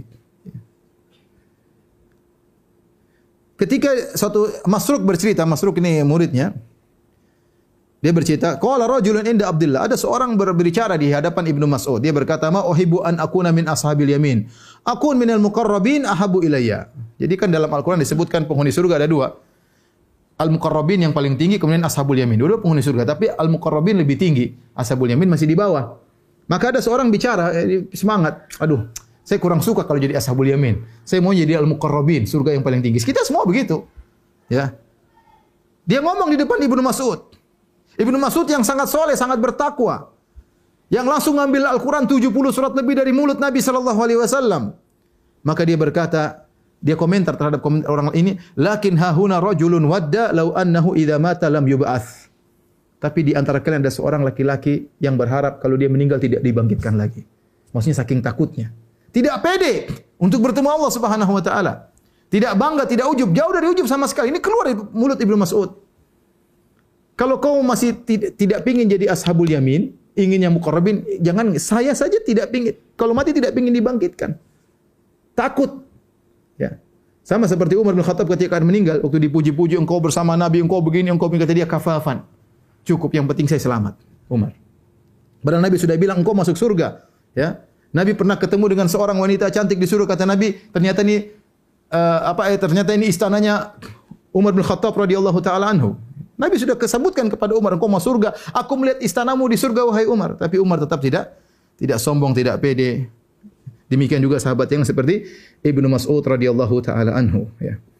Ibnu Mas'ud juga pernah berkata, subhanallah, dia berkata, dari Ibrahim At-Taimi, dia berkata, Qala Abdullah, berkata Ibnu Mas'ud, Lau ta'lamuna dhunubi ma wa ti'aqibi ithnan. Kalau kalian tahu dosa-dosa aku, tidak ada dua orang ikut ekor aku di belakang.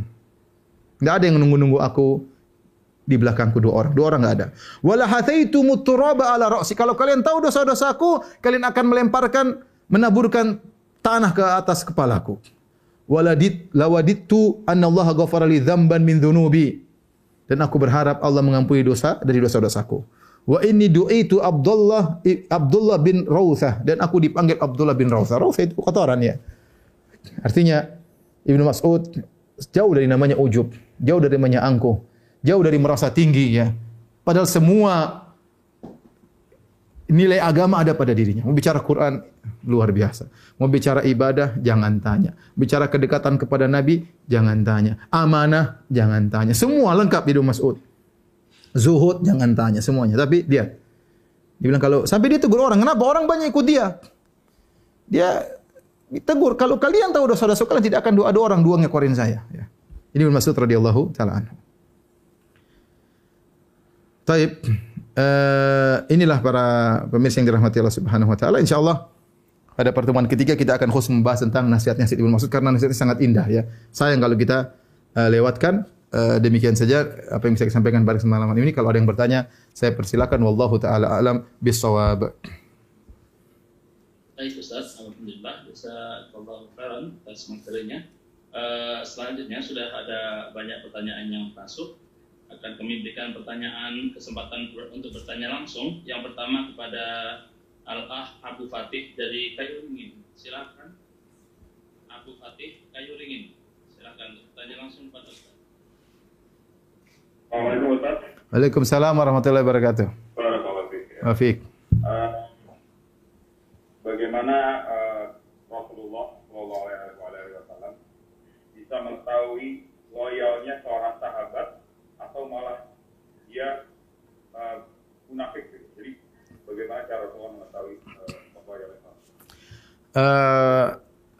Rasulullah SAW sebagian orang munafik dikasih tahu oleh Allah, sebagian tidak tahu. Rasulullah tidak tahu isi hati manusia.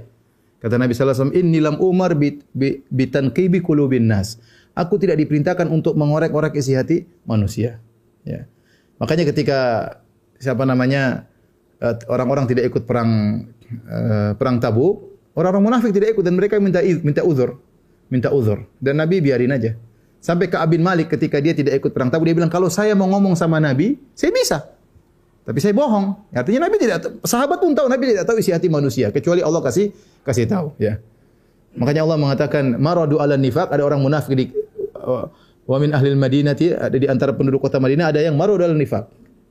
Apa tenggelam dalam kemunafikan, kemunafikan kata Nabi, kata Allah Subhanahu wa taala, Eh, la ta la ta'lamuhum engkau tidak mengetahui mereka tapi Allah tahu mereka. Jadi orang munafik pun ada dua, ada yang Nabi tahu dan ada yang Nabi tidak tidak tahu. Dari orang munafik yang Nabi tahu dari siapa? Allah yang kasih tahu. Allah kasih tahu orang munafik. Tentu kalau ciri-cirinya kelihatan. Tetapi Nabi tidak bisa memastikan dia munafik atau tidak kecuali Allah kasih kasih tahu karena Nabi tidak tahu isi hati manusia ya. Oleh karena ketika siapa uh, apa namanya? Usama bin Zaid ya radhiyallahu uh, taala anhu ketika membunuh uh, orang yang mengucapkan la ilaha illallah ya maka Nabi sallallahu alaihi wasallam marah ya.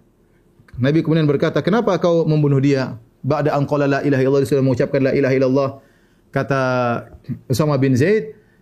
Dia mengucapkan tersebut ittiqa'a nafsihi. Dia mengucapkan hal tersebut untuk menyelamatkan dirinya. Kata kata Rasul hal hal syaqaqta an qalbi kau sudah buka hatinya? Kau tahu dia mengucapkan itu untuk menyelamatkan diri karena sebagaimana pernah saya sampaikan bahwasanya Usama bin Zaid ketika itu berperang, kemudian ada seorang kafir yang dia luar biasa membunuhi kaum muslimin, dikejar oleh oleh Usama bin Zaid. Ketika dikejar bersama seorang Ansari, tiba-tiba mau dibunuh dia, dia padahal dia sudah bunuh kaum muslimin banyak, tiba-tiba dia berkata la ilaha illallah karena dia tahu mengucapkan la ilaha selamat. La ilaha illallah. Akhirnya Ansari mau bunuh enggak jadi. Oh ini ucapan la ilaha illallah. Usama enggak, dia tikam aja, bunuh selesai. Hal ini sampai kepada Nabi. Nabi marah, Nabi berkata, Aqatal tahu ba'da anqala la ilaha illallah. Apa kau membunuh dia setelah dia mengucapkan la ilaha illallah? Kata Usama, ya Rasul dia mengucapkan untuk menyelamatkan diri. Kata Nabi, hal cakok ta'an qalbi, kau sudah buka isi dadanya. Inilam umar bitanqibi qulubin nas. Aku tidak diperintahkan untuk ngotak-ngatik isi hati manusia. Makanya Nabi mengatakan, bisa jadi dua orang datang kepadaku. Yang satu al-hana bihujjati, yang satu lebih pandai ngomong daripada yang lainnya. Maka aku memutuskan perkara yang memenangkan dia. Nabi mengakui, bisa jadi kalian buang depan saya. Oleh karenanya, uh, orang-orang munafik yang yang yang, yang sebagian Nabi tidak tahu, sebagian Allah kasih kasih tahu. Tapi kalau secara ciri-ciri, para sahabat bisa mengira-ngira. Tapi untuk memastikan butuh wahyu dari Allah Subhanahu wa taala. Ya. ya. Dalam uh, surat At-Taubah ya. Uh, bisa dilihat ayat 101 kata Allah Subhanahu wa taala wa mimman haulakum minal a'rabi munafiqun wa min ahli madinah. Di antara orang-orang sekitar kalian dari Arab Arab Badui ada orang-orang munafik. Wa min ahli madinah. Dan di antara penduduk Madinah maradu ala nifaq. Ada orang-orang yang tenggelam dalam kemunafikan ya. Uh, kata Allah Subhanahu wa taala yang keterlaluan dalam kemunafikan la ta'lamuhum. Engkau tidak mengetahui mereka nahnu na'lamuhum. Kami tahu tentang mereka. Ini dalil bahwasanya Nabi tidak tahu seluruh orang munafik kata Allah la ta'lamuhum kalian tidak engkau tidak mengetahui mereka tapi ciri-ciri ada ciri-ciri ada kecuali kalau dia sudah menampakkan kemunafikannya maka para ulama menghukumnya dengan zindiq muncul belakangan orang-orang yang dia munafik dalam dirinya tapi kemudian dia mencaci maki Al-Qur'an dia mencaci syariat ya zindiq ini kemunafikan yang disembunyikan sudah dia nampakkan. Nah, saat itu kita boleh berhukum. Kenapa? Sudah bukan lagi perkara batin, sudah perkara zahir, dia sudah nampakkan. Seperti sebagian orang-orang liberal yang mengatakan sudah uh, maki-maki syariat, kemudian udahlah ngapain menghalalkan homoseksual. Ini kan urusan esek-esek, ngapain Allah ikut campur urusan esek-esek seperti ini contohnya. Atau mereka mengatakan misalnya uh, seperti perkataan sebagian mereka Al-Qur'an ini kan sudah expired ini cuma cocok di zaman Muhammad sallallahu alaihi wasallam orang Arab Badui 15 tahun yang lalu. Jangan bilang lagi manhaj salaf manhaj salaf bagaimana membawa perkara yang Badui ke zaman modern? Enggak cocok lagi. Sekarang kita berisyad bikin hukum baru. Ini munafik bukan munafik tersembunyi lagi zindik yang dia nampakkan ya contoh ah saya sudah tidak perlu lagi beribadah saya sudah mencapai tingkatan hakikat tidak perlu lagi syariat Muhammad ya itu hanya bagi tingkatan syariat ini zindik kata para ulama zindik. Itu zindik sama dengan munafik, cuma dia menampakkan, dia menampakkan. Jadi kita tidak lagi berhukum kepada batin tapi zahirnya. Tapi kalau dia sembunyikan kemudian dia KTP-nya masih Islam ya tidak bisa kita pastikan dia munafik atau tidak. Karena itu perkara hati tidak ada isi hati kecuali Allah Subhanahu wa taala. Tapi apa lagi yang bertanya? Ada Ustaz, uh, masih banyak yang akan bertanya langsung. Selanjutnya kami berikan kesempatan untuk bertanya langsung. Ukti Dini Nurun Naf Fiza, Nazifah dari Makassar. Dini Nurul dari Makassar. Silahkan. Uh, Masih ada? Ya, terima kasih Ustaz. Uh, saya ingin bertanya, kalau misalnya uh, kan kita mau tahajud, terus kadang kita melaksanakan dua rakaat, terus besoknya lagi empat rakaat. Tapi maksudnya tidak tidak teratur empat rakaatnya, uh, Ustaz. Apakah boleh? Uh, iya, jadi tidak masalah solat tahajud. Kata Rasulullah SAW, solatul lail masna masna. Solat tahajud, solat malam dua rakaat, dua rakaat. Sebisa mungkin kalau bisa dua sebelas rakaat, eh, delapan rakaat sama tiga witir yang terbaik. Mau lebih daripada itu juga boleh. Yang benar eh, solat malam tidak ada batasannya. Kurang daripada itu empat juga boleh. Witir satu rakaat boleh dua rakaat. Solat malam tiga rakaat witir bebas, nggak ada masalah. Ya, tapi kalau kita bisa continue seperti Nabi SAW sebelas rakaat itu yang terbaik. Tapi seandainya tidak bisa uh, uh, tidak bisa apa namanya selalu 11 rakaat berubah-ubah bilangannya enggak ada masalah. Karena itu kelapangan yang syariat berikan. Wallahu alam bisawab. Uh, bisa. Baik Ustaz. Cukup ya. Kita berikan ya. kesempatan kepada yang lain. Selanjutnya uh, Ah dari RH, silahkan. Dari RH.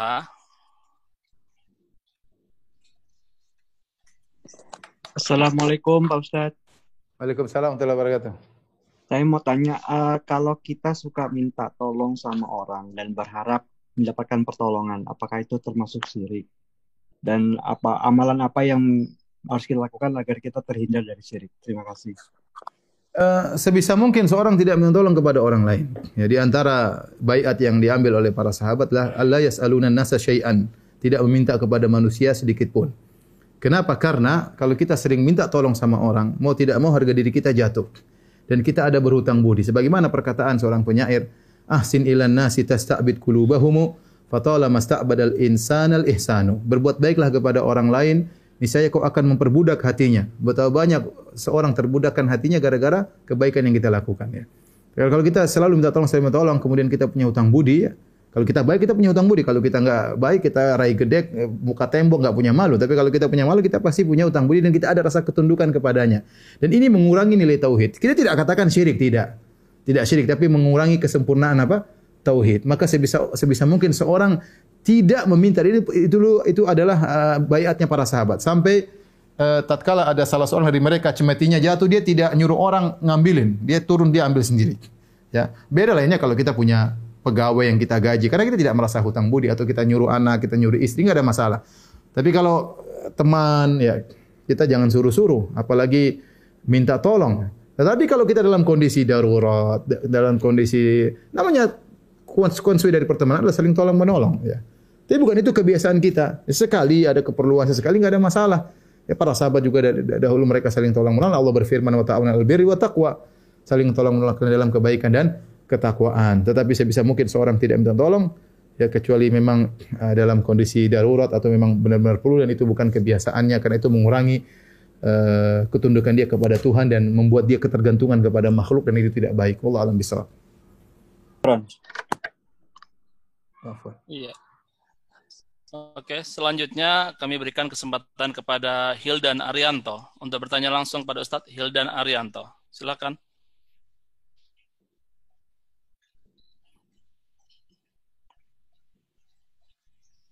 Hildan Arianto, Mas Nona, monitor.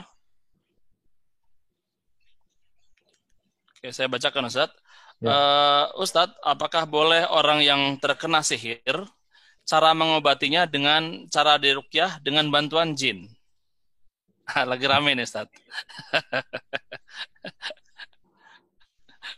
Ngapain ya, bang? Rukun juga kayaknya, Ustaz. Ngapain bantuan jin? Kalau itu baik itu sudah dilakukan oleh para sahabat. Nabi SAW dulu banyak jin-jin sampai minta Nabi, Nabi berdakwah kepada para jin. Sampai disebut dengan Lailatul Jin. Malam jin. Yaitu Nabi sampai sahabat, siapa yang ikut saya? Saya mau berdakwah ke para jin. Nabi diundang para jin ngisi kajian. Saya belum pernah. Tetapi Nabi datang ngisi kajian sama para jin, menyampaikan bacakan ayat Al-Quran. Terkadang mereka datang dengan diam-diam. Terkadang Nabi datang memenuhi panggilan mereka. Ya. Tapi Nabi tidak pernah minta tolong sama mereka. Dalam perang Badar kalau memang jin-jin Nabi panggil, "Ayo para jin, ayo lawan tu Abu Jahal." Abu Goblak tangkap kakinya. Masukkan pasir ke dalam hidungnya. Enggak pernah Nabi demikian gitu. Itu congornya masukin nama. Enggak pernah Nabi ngomong demikian. Nabi juga tidak pernah dalam perang Uhud padahal Nabi kondisi terdesak punya pasukan jin. Bahkan istrinya kalungnya hilang Nabi tidak pernah panggil jin. Dua kali Aisyah kalungnya hilang. Radhiyallahu taala. Nabi suruh para sahabat cari kalung tersebut sampai pagi enggak ketemu. Ternyata kalungnya di bawah onta. Ketika onta Aisyah berdiri baru ketahuan apa? Kalungnya. Ya. Onta pun tidak pernah ngomong sama Nabi ada kalung di bawah saya. Ya. Jadi mau saya bukan kebiasaan kita minta tolong kepada makhluk yang gaib. Ustaz dia jin muslim. Taib, ente tahu dari mana jin muslim? Zohirnya gimana zohirnya? Jin itu goib sejak kapan jadi makhluk zohir? Ya ada. Jadi ya wahwa kadzub ya. Kata Nabi wasallam wahwa kadzub ya. Dan dia sering berdusta ya. Wala jin kita sering dengar orang apa namanya uh, merukyah kemudian ngobrol sama jin itu bukan bukan kebiasaan para salaf. Rukyah rukyah berdakwah suruh keluar keluar enggak mau terbakar. Ini ngobrol, nanti jinnya ngomong sampai lama. Oh, saya dulu ketemu Ibnu Taimiyah. Oh saya dulu ketemu 3000 umur saya sudah 3000 tahun. Allah gimana ini jin? Ketemu zaman sahabat, ketemu Nabi Musa. Eh, gini ngomong jin. Oh saya sudah masuk Islam. Ngapain ngobrol sama jin? Ente dakwah itu kan tidak wae kalau enggak mau keluar ente bacain sampai dia terbakar kalau enggak mau keluar ya sudah resiko. Tapi kemudian panggil jin minta tolong. Ini buka pintu. Saya bilang bahaya, saya bilang bahaya ya. Bahaya. Kita enggak tahu kapan kita diplesetkan oleh dikelincirkan oleh jin. Bahaya. Dan itu bukan cara salaf dalam uh, merukyah ya. Alhamdulillah banyak rukyah berhasil tidak pakai cara-cara seperti itu. Maka tidak perlu kita menggunakan cara-cara uh, seperti itu. Wallahu a'lam bisawab. Uh, ada pertanyaan yang bagus dari Ah Jim Liludin silahkan tentang medsos. Silakan Ah Jim Liludin. Ya baik, Assalamualaikum warahmatullahi wabarakatuh. Waalaikumsalam warahmatullahi wabarakatuh. Uh, Afwan mau tanya Ustadz tentang medsos ya. Taruh cari dulu dari mana ya. Ngomong-ngomong, Zoom ini termasuk medsos atau bukan? nih, meeting saat ini. Oh, meeting ya, bukan medsos ya. Medsos bukan, ya. Ustaz. Meeting sosial. ya, Pak Ustadz. Tadi kan Pak Ustadz bilang uh, tentang uh, tulisan-tulisan kita uh, mungkin menghujat atau perkataan-perkataan kita menghujat di medsos. Uh, kepada para pemimpin kita, mungkin kepada pemerintah, atau mungkin kepada orang-orang yang kita mungkin nggak bertemu nggak bisa bertemu langsung dengan mereka. Nah itu bagaimana cara tobat dari perkataan kita atau tulisan kita tersebut yang kurang baik di medsos? Uh, ila alladziina tabu wa aslahu. Kalau kita berbuat kesalahan berkaitan dengan hak orang lain, maka kita harus minta maaf kepada mereka. Kalau tidak mungkin kita minta maaf, maka karena kenapa ikhwan? Saya maksudnya banyak hal yang kita ikut nimbrung, kita tidak punya ilmu tentangnya, hanya sedengar katanya dan katanya. Ya. Banyak hal yang saya tahu, yang saya lihat di berita tidak benar, yang saya tahu tidak benar sesuai dengan apa yang saya lihat langsung. Ya. Ya, ada juga sebaliknya yang benar dijadikan bagus, ada yang buruk dijadikan bagus, ada yang baik dijadikan buruk. Artinya tatkala saya tidak tahu apa yang saya ucapkan ini benar-benar 100% itu benar, saya tidak mau ikut-ikutan.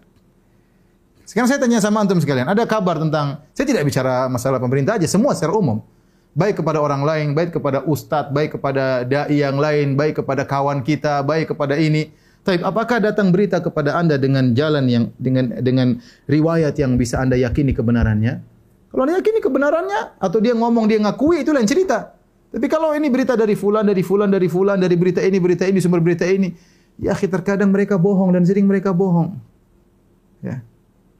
Karena saya sendiri pernah ngisi di suatu stasiun televisi, kemudian waktu bulan Ramadan mereka bertanya, Ustadz, ini di bulan Ramadan kata Ustadz kalau berbohong uh, puasa tidak diterima. Kami disuruh direksi untuk beri, bikin berita bohong. Ini mereka ngomong sendiri di depan saya. Kami disuruh direksi untuk bikin berita bohong di bulan Ramadan. Yang tidak terima puasanya direksi doang atau kami juga. Saya bilang enak aja semuanya kalian bekerja sama dalam apa? Kedustaan. Eh, dusta di bulan Ramadan yang, di, yang dibohongin jutaan orang. Jadi masalah berita itu ya benar artinya hati-hati. Ya hati-hati. Anda kalau ingin berinteraksi dalam berita hati-hati. Yakin benar atau tidak. Kalau benar, benar-benar yakin 100% benar. Tidak ada tambah, tidak ada kurang. Ya karena kita enggak lihat langsung kejadiannya. Kemudian ada cerita-cerita dari kalau anda sesuatu wala takfu ma laisa laka bi'ilm inna sam'a wal basar wal fuada kullu ulaika anhu mas'ula. Kata Nabi jangan kau mengikuti apa yang kalian tidak punya. Kata Allah jangan kau engkau mengikuti apa yang kalian tidak punya ilmunya. Sudah. Pendengaran, penglihatan akan dimintai pertanggungjawaban oleh Allah Subhanahu wa taala. Enggak tahu diam. Yang tahu silakan. Yang berkompeten politikus silakan. Saya itu kalau niatnya memperbaiki negara dengan cara yang baik silakan. Ya kalau anda enggak punya bukan bidangnya sudahlah diam. Saya enggak berani ngomong. Saya mau komentar-komentar saya belum tahu. Ya, saya lakukan yang menurut saya terbaik, saya dakwah. Ya, saya dakwah seperti itu. Maksud saya kalau kita ternyata pernah menuduh yang tidak-tidak ya, ya di atas dugaan-dugaan ya. Maka ya sudah kita bikin perbaikan. Setelah kita beristighfar kepada Allah, kita bikin pengumuman saya dulu sempat gini-gini, saya salah, saya tidak tahu beritanya benar atau tidak, saya hanya ikut-ikutan misalnya. Karena nanti urusannya panjang di akhirat ya ikhwan. Kita ribut-ribut, debat-debatin. Maki sana, maki sini, maki sini. Kemudian selesai. E, pertarungan politik sudah selesai. sudah maki sana, maki sini. Sudah. Sudah ini, sudah macam-macam tuduhan. Selesai. Ha, emang selesai, selesai? Enggak, catatannya panjang nih. Ini nanti di akhirat baru selesai. Selesai. Pertarungan politiknya sudah selesai. Kitanya belum selesai. Kita nanti di akhirat dihisap. Ya. Wa ma rabbuka nasiya dan Allah tidak akan lupa semua apa yang kita ucapkan. Sebelum kita komentari. Maka saya katakan beristighfar kepada Allah ya. Berusaha melakukan perbaikan kalau enggak mampu ya sudah. Jangan ulangi lagi. Wallahu alam bisawab. Bang Haddad dari Bandung, silakan pertanyaannya. Bang Haddad dari Bandung. Assalamualaikum Ustaz. Waalaikumsalam warahmatullahi wabarakatuh. Suaranya kencangan lagi Bang Haddad ya. Assalamualaikum. Silakan. Nah, Ustaz. Ya, silakan lanjut. Uh, Ustaz, bagaimana toleransi yang benar dalam Islam, Ustaz? Uh, toleransi, toleransi adalah kita uh, menghargai mereka, artinya memberi kebebasan mereka non Muslim untuk melakukan ibadah yang mereka lakukan. Ini toleransi yang dicontohkan yang terbaik adalah toleransi Nabi Sallallahu Alaihi Wasallam. Nabi Sallallahu Alaihi Wasallam tinggal di kota Madinah. Pertama datang Nabi tinggal di sana ada tiga komunitas. Komunitas orang-orang munafik dengan tiga baninya, tiga kabilahnya, Bani Qainuqa, Bani Nadir dan Bani Quraidah. Kemudian komunitas orang-orang musyrikin yang dipimpin oleh Abdullah bin Ubay bin Salul ketika mereka belum masuk Islam. Mereka baru masuk Islam tatkala tahun 2 Hijriah setelah perang Badar baru orang munafik baru masuk Islam. Dari musyrik jadi munafik. Tapi sebelumnya mereka musyrik. Kemudian ada kaum Ansar. Suku suku Khazraj yang sudah masuk Islam. Jadi tiga komunitas. Tapi mereka hidup kemudian mereka bikin namanya suatu piagam namanya piagam kota Madinah atau wasiqatul Madinah ya. Situ ada kerjasama sebagai uh, bukan bukan dalam masalah syariat tetapi dalam masalah aturan kenegaraan. Ya, jika terjadi peperangan maka al yahud yunfiqun wal muslimun yunfiqun. Yahudi berinfak, Muslim juga berinfak, sama-sama bela negara. Ini pernah Rasulullah SAW eh, buat dalam uh, apa namanya dalam perjanjian di kota Madinah. Tapi Rasulullah sebagai kepala negara. Uh, kemudian orang-orang Yahudi dibiarkan oleh Nabi untuk menjalankan aktivitas aktivitasnya bahkan aktivitas ibadahnya. Tapi Nabi tidak wahi mereka. Itulah toleransi yang Nabi berikan. Kita pun mencontohi Nabi SAW. Jadi kita sekarang tinggal di negara Islam. Di situ ada uh, agama-agama selain Islam. Ada ada beberapa agama. Maka kita berbuat baik kepada mereka dan Allah telah mengatakan la yanhakumullahu anil ladzina lam yuqatilukum fid din wa lam yukhrijukum min diyarikum an tabarru tuqsitu ilaihim. Allah tidak melarang kalian untuk berbuat baik kepada mereka, untuk berbuat adil kepada mereka selama mereka tidak memerangi agama kalian, selama kalian kalian tidak diusir oleh mereka dari negeri kalian. Sungguhnya Allah mencintai orang-orang yang uh, bersikap adil. Oleh karena Nabi sallallahu alaihi wasallam punya uh, punya pembantu dari Yahudi ya. Dan Nabi wasallam ketika pembantu tersebut sakit, Nabi menyenguk pembantu tersebut. Bayangkan seorang kepala negara Islam menyenguk pembantu Yahudi. Apa yang lakukan Nabi wasallam? Ketika Nabi wasallam menyampaikan hadis ya, Uh, la yazalu Jibril yusini bil jar hatta dhanantu annahu sayuwarithuhu. Jibril senantiasa datang kepadaku mewasiatkan engkau untuk berbuat baik kepada tetangga sampai aku menyangka tetangga akan menjadi ahli waris. Dan ini diriwayatkan oleh sahabat, sahabat suruh keluarganya bikin kue, makanan enak diberikan kepada tetangganya Yahudi. Kenapa? Dia mengamalkan hadis Nabi wasallam bahwasanya tetangga yang harus dibaiki termasuk tetangga non muslim, ya.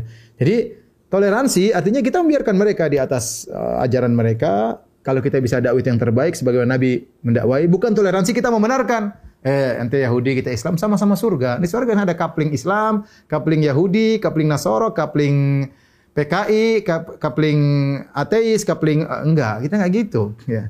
Kita urusan masing-masing agama. Saya mau dakwahi antum ya dengan cara yang baik, diskusi oke. Okay.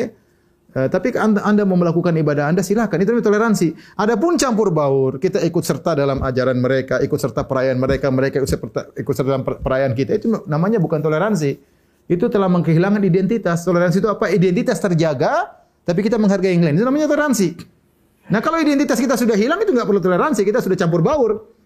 Nah, dan itu tidak benar. Jadi toleransi yang benar, identitas kita tetap terjaga dan kita membiarkan mereka. Maka kalau mereka lagi ibadah di di tempat ibadah mereka jangan kita ganggu, jangan kita bikin kacau, jangan kita ngebom, jangan kita ngawur. Tidak boleh seperti itu. Ya. Ya. Jadi itu toleransi uh, dan itu sudah difatwakan oleh Majelis Ulama Indonesia dan fatwanya yang lama bahwasanya kita bekerja sama sebagai anggota negara ya, saling bahu membahu untuk kepentingan nasional. Itu perlu kita tingkatkan eh, masing-masing menjalankan ibadah masing-masing tanpa ada campur aduk antara ibadah maupun akidah apalagi akidah. Demikian saja apa yang saya sampaikan pada kesempatan kali ini.